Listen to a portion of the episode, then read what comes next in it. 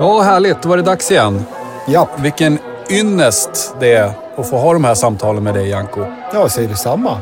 Och jag som säger det heter Peter Axelsson. Jag sitter här igen med Jan-Erik Janko Svensson. Precis.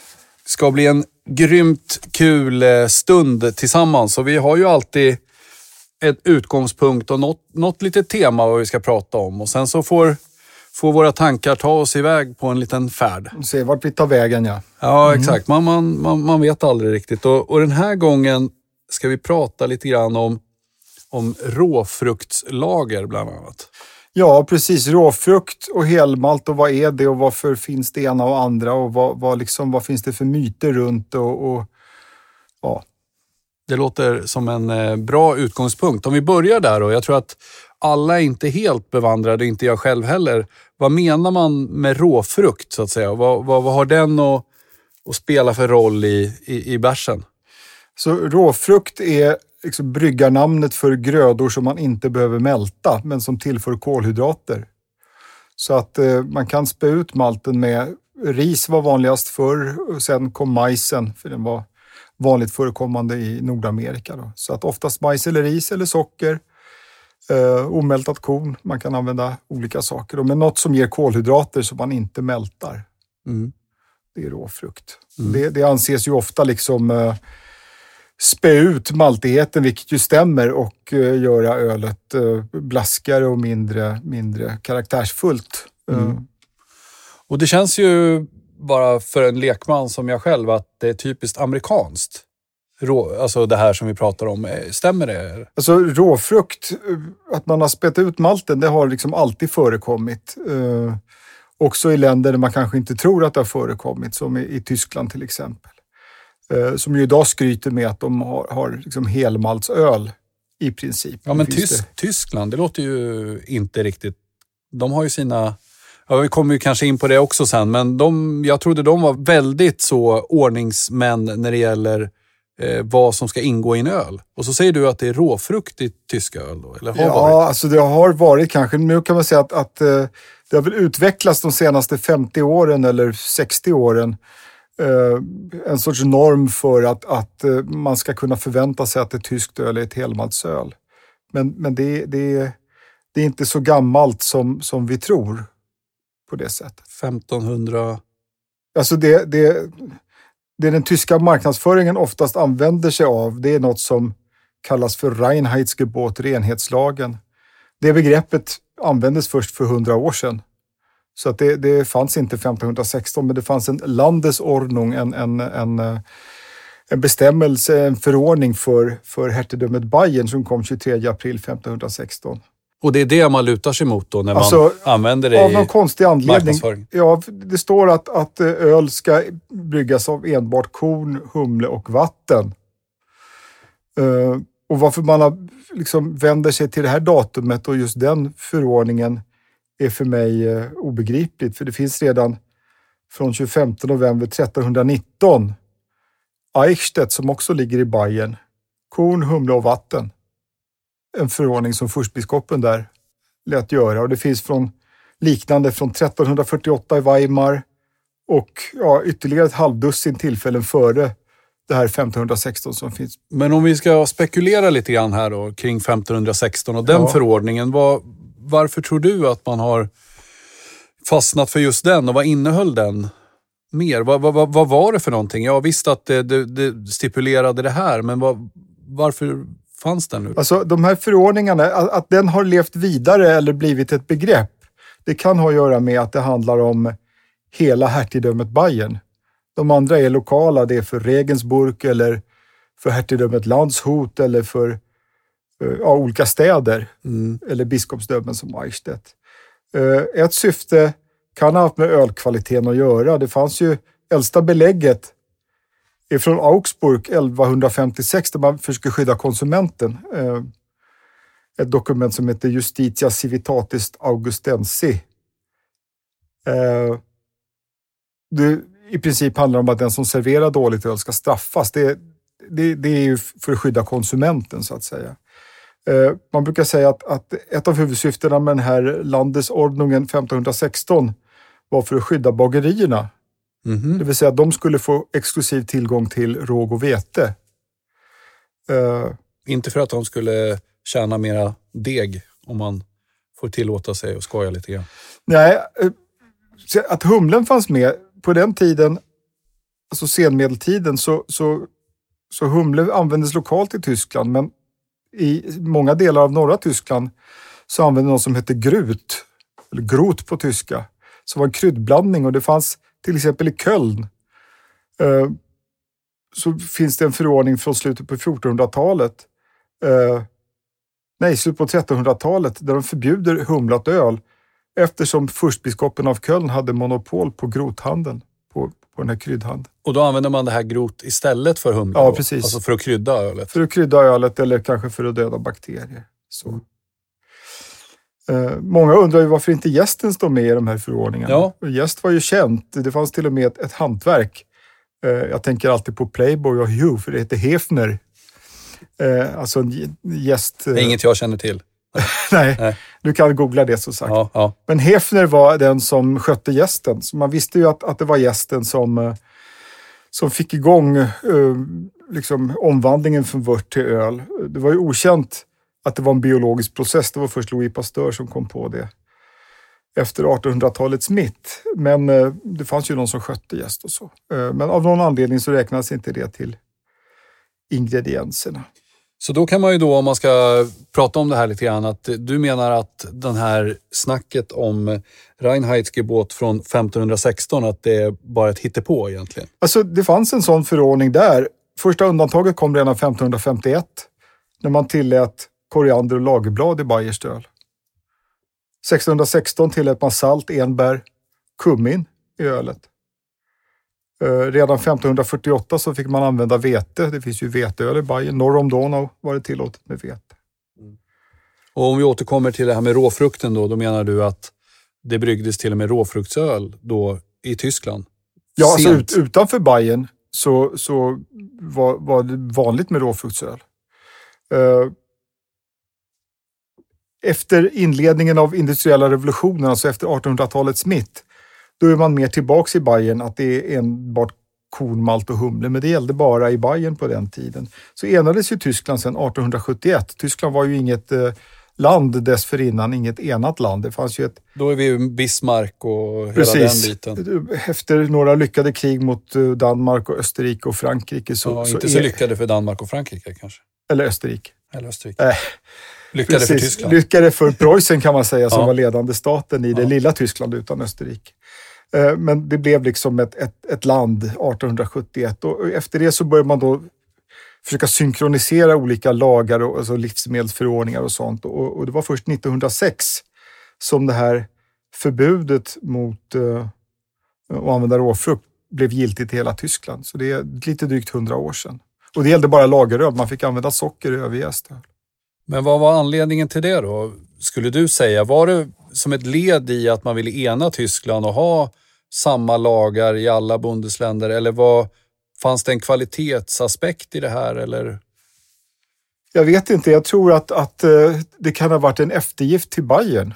um, faktiskt. Um, det handlar ju om att kompromissa. Jag vet inte jättemycket om diskussionerna runt det där, men, men eh, jag kan gissa att det spelar en viss roll, att, att de bayerska bryggarna lobbade för sin sak. Det var ju väldigt populärt annars fram till början på 1900-talet med eh, ris som råfrukt i Tyskland. Det var ehm, eh, väldigt vanligt förekommande.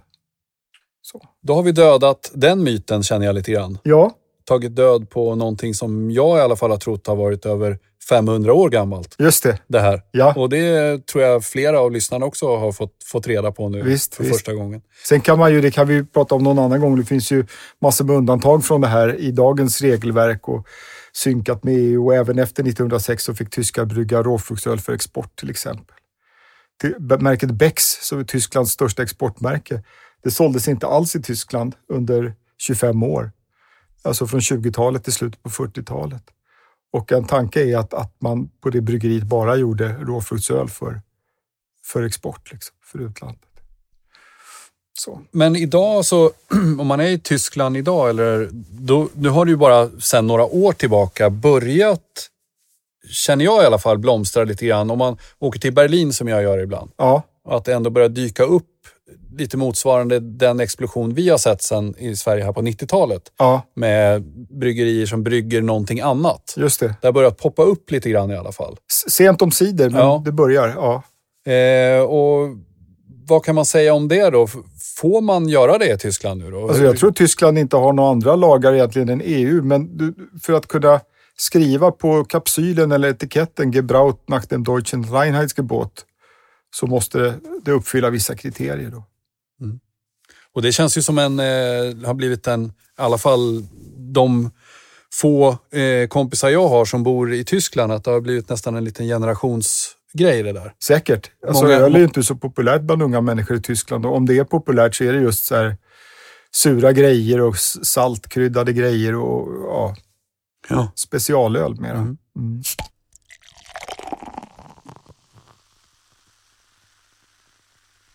Men då har vi ringat in lite grann. Vi har pratat om råfruktslagen, eh, vi har pratat om Reinheitsgebot och dödat den myten. Men vi går tillbaka till råfrukten här nu då. Ja, Eh, och vi pratade lite grann om, om USA. Och om vi, apropå, vi är inne och svingar med svärdet här mot eh, myter. ja, precis. Så, så har ju jag en känsla av att min bild har, har ju varit, och det är säkert fel, att man har använt majs och sånt. Det, det liksom har man haft över och det är en billig, billigt sätt att ersätta eh, korn till exempel. Just det. på.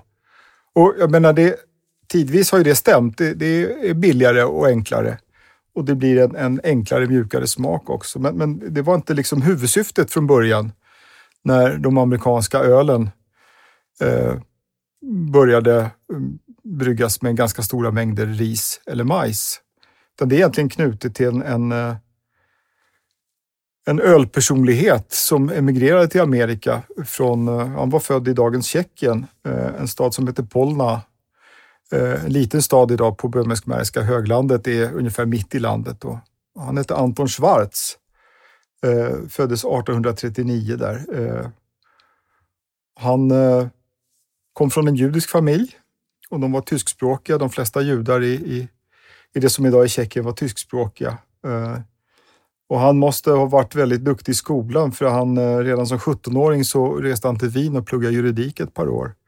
Men sen eh, kom han till Prag till en, en eh, teknisk högskola, en av de första och största i Centraleuropa som hette Polytechnicum. 1858 började han där och eh, pluggade under en, en eh, annan känd ölpersonlighet från dagens Tjeckien eh, som hette Carl Balling Eh, som vi kan prata mer om någon annan gång. Eh, han eh, var en av 1800-talets viktigaste liksom, utvecklare av ölet som vetenskap. Han var rektor på Polytechnicum i Prag. Och han blev färdig som 22-åring då, Anton Schwarz, 1861 och blev bryggare vid flera bryggerier i, i Pest, alltså östra delen av dagens Budapest.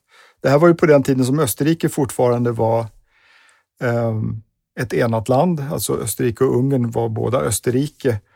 Eh, 1867 så delades det upp eh, genom den så kallade kompromissen, Ausgleich. Och eh, Budapest, eller Buda och Pest, var fram till den tiden främst en tyskspråkig stad. Båda delar. Både Ja, på båda sidor Donau. På båda sidor eh, om Donau, eh, även om det fanns ungerspråkiga och slovakiskspråkiga och allt möjligt där också. Men man kan säga att det, det är liksom eh, vardagliga umgängesspråket var tyska, men efter det att Ungern blev så självständigt inom Österrike och Ungern 1867 så ändrades väldigt snabbt att ungerskan blev det helt dominerande språket i Ungern. Och det är bara en spekulation från min sida att det kan ha varit en svårighet för honom eh, i och med det som tyskspråkig. Eh, sen dog hans första fru också i, i den vevan, så han emigrerade till Amerika 1868. Eh, då som enkling. Han hade kvar en son som hette Max i Europa, eh, som kom efter ehm, 12 år senare, tror jag det var. Då. Ehm, och han började i alla fall med att skriva artiklar i en eh, publikation som hette Der amerikanische Bierbrauer som senare blev engelskspråkig och hette The American Brewer. Och eh, snart blev han chefredaktör för den och eh, sen ägare. Sen tog sonen över efter Anton Schwarz död eh, 1895. Han bodde i Brooklyn i, i New York.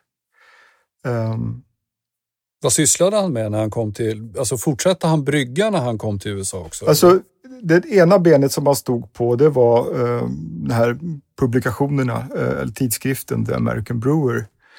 Det andra benet som man drog igång runt 1880 det var något som började med First Scientific Station for Brewing, alltså en sorts eh, eh, bryggarskola. Och den omformades 1882 till The Brewers Academy of the United States där han var rektor. Så han var mycket inflytelserik. Han hör, det fanns ju flera europeer vid den här tiden, men han hörde till de mest eh, inflytelserika eh, bryggarna. Och vad är anledningen till att du lyfter fram just honom då? Vad var det som gjorde honom så inflytelserik och, och att vi pratar honom, om honom nu, 2020 så att säga? Ja, alltså han, han kallades alltså, i sitt eftermäle för the founder of raw cereal brewing in the US. Det var han som övertygade Nordamerikas bryggare om att det var bättre att använda råfrukt. Först ris, men sen mer och mer majs. Och anledningen är till att, att eh, korn, som ju är grundingrediensen i öl, eh, det växer inte, eller växte inte från början i Nordamerika. Och det finns ju olika sorters korn. Det finns eh, tvåradskorn och fyradskorn och sexradskorn beroende på hur fröna sitter på axet. Det kan man ju tänka själv. Så. Eh, och det man brygger av, det som har liksom bäst balans av kolhydrater och proteiner, inte för mycket skal och lagom enzym och sådär, det är tvåradskorn. Det är det som europeer brygger av.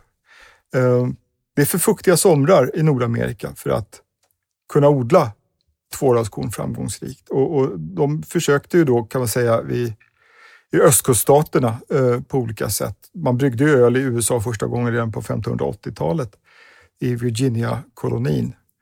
Men det, det tog sig aldrig liksom med, med kornodlingen och det var egentligen först när man kom över Appalacherna, där det är lite torrare klimat, alltså början på mellanvästern. Egentligen det var i västra delen av staten New York, så det räknas ju till östra USA men ändå ett annat klimat på andra sidan bergen där. Och det var sexradskornet man lyckades med, det som används till foder i Europa. Då.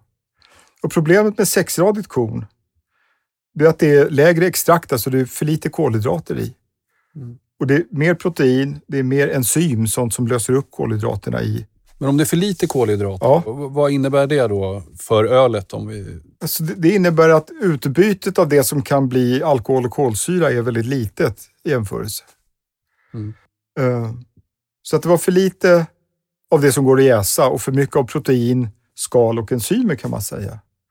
Och Det låter ju väldigt enkelt när man säger det, men det som Anton Schwarz föreslog det var att man skulle tillföra kolhydrater för att få samma balans i den här blandningen som ett tvåradskorn hade. Det låter ju inte som någon rocket science. Nej, men det var ett ganska stort motstånd i början eh, mot att liksom spä ut proteinerna och skalen och det här med ris till en början. Eh, så det krävdes en del övertalning från hans sida. Men jag tänker, alltså nu kanske en jättedum fråga, men du säger att de inte kunde odla tvåradigt korn, men de använde ris istället. Som kom från? Ja, jag vet inte var det odlades. Det som sen tog över som fanns överallt, det var ju majs. Ja, för majs fattar man ju att de använde, men jag Precis. tänker ris, att de hade... Jag, jag, tror att det har att göra med att ris var den populära, populäraste råfruktsgrödan i Europa. Ja, att man då importerade den tanken så att säga. Precis. Ja. Och jag gissar då att ris, riset i Europa kanske kom från Norditalien. Det är de risodlingar jag känner till som fanns, alltså i Pådalen i större omfattning och jag vet inte riktigt var riset odlades där. Men det, det är Anton Schwarz tidigaste förslag för att spä ut sexradskornet med mer eh, kolhydrater var ris, men sen så blev det mer och mer um, prat om, om, om majs istället. Och till slut så köpte man det här då? Ja, alltså det visar sig ju och det, är ju dessutom, det blir dessutom billigare och det blir en lättare smak, så folk gillar det här ölet. Uh, det var inte bara lättare att få liksom en bra Eh, blank, alltså genomskinlig, kristallklar och, välbalanserad brygd. Eh, utan den här lite mildare smaken som blev av den reducerade maltkaraktären, den, eh, den tilltalade folk också. Så att om vi då pratar om att döda myter här, så att till viss del så är det så att det var mer ett, en konsekvens av det, så att säga, att det blev billigare.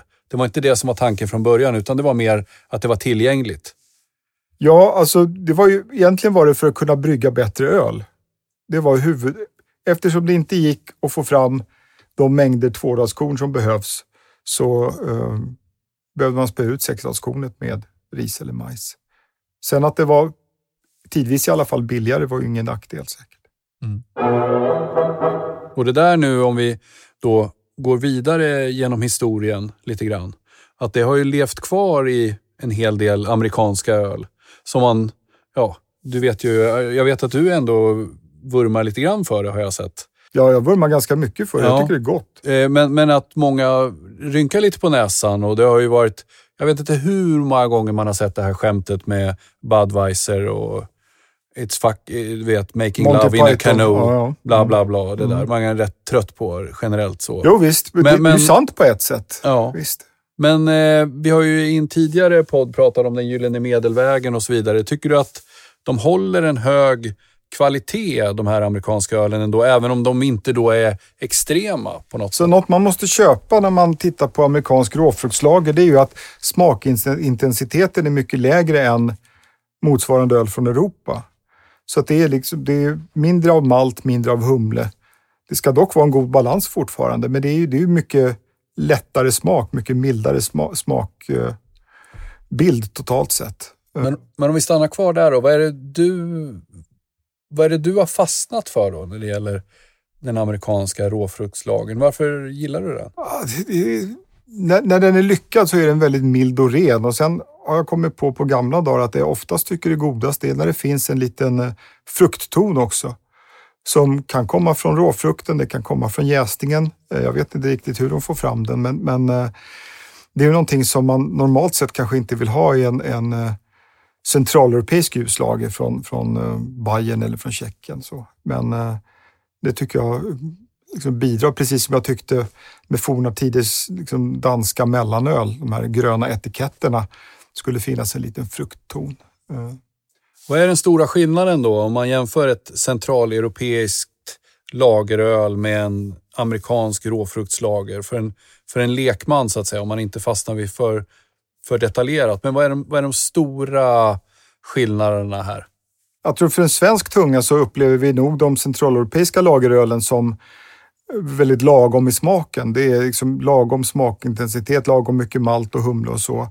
Och eh, det krävs lite tillvänjning för att uppskatta de mycket mildare och lättare amerikanska ölen. Så att det, är, det är just att det smakar mycket mindre helt enkelt. Och det tycker du är bra då? Eller? Alltså det är gott ibland. ja. ja. Eh, mitt hjärta är ju närmast de centraleuropeiska ölen naturligtvis. Eh, eftersom jag är mest van vid det. Men, men eh, jag tycker att Sen en, en liten detalj i det här som jag tycker är spännande också, det är att de är tekniskt sett väldigt svårbryggda. Ju lägre smakintensitet ett öl har, desto svårare är det att dölja fel. Så att de bättre stora amerikanska märkena, råfruktslagerölen, de är väldigt svåra att lyckas med faktiskt. Det är inte så att de smakar lite för att de inte kan brygga öl, utan det är det är tvärtom, det är väldigt svårt att kopiera de ölen. Så även om det står lite L-I-T-E på dem så betyder det inte att de... Att, eh, att de det är något annat va? Det är något annat. Ja. Uh. Men om vi, om vi tar det då, eh, om vi pratar allvar om det. Just de här som de kallar för light-ölen. Ja.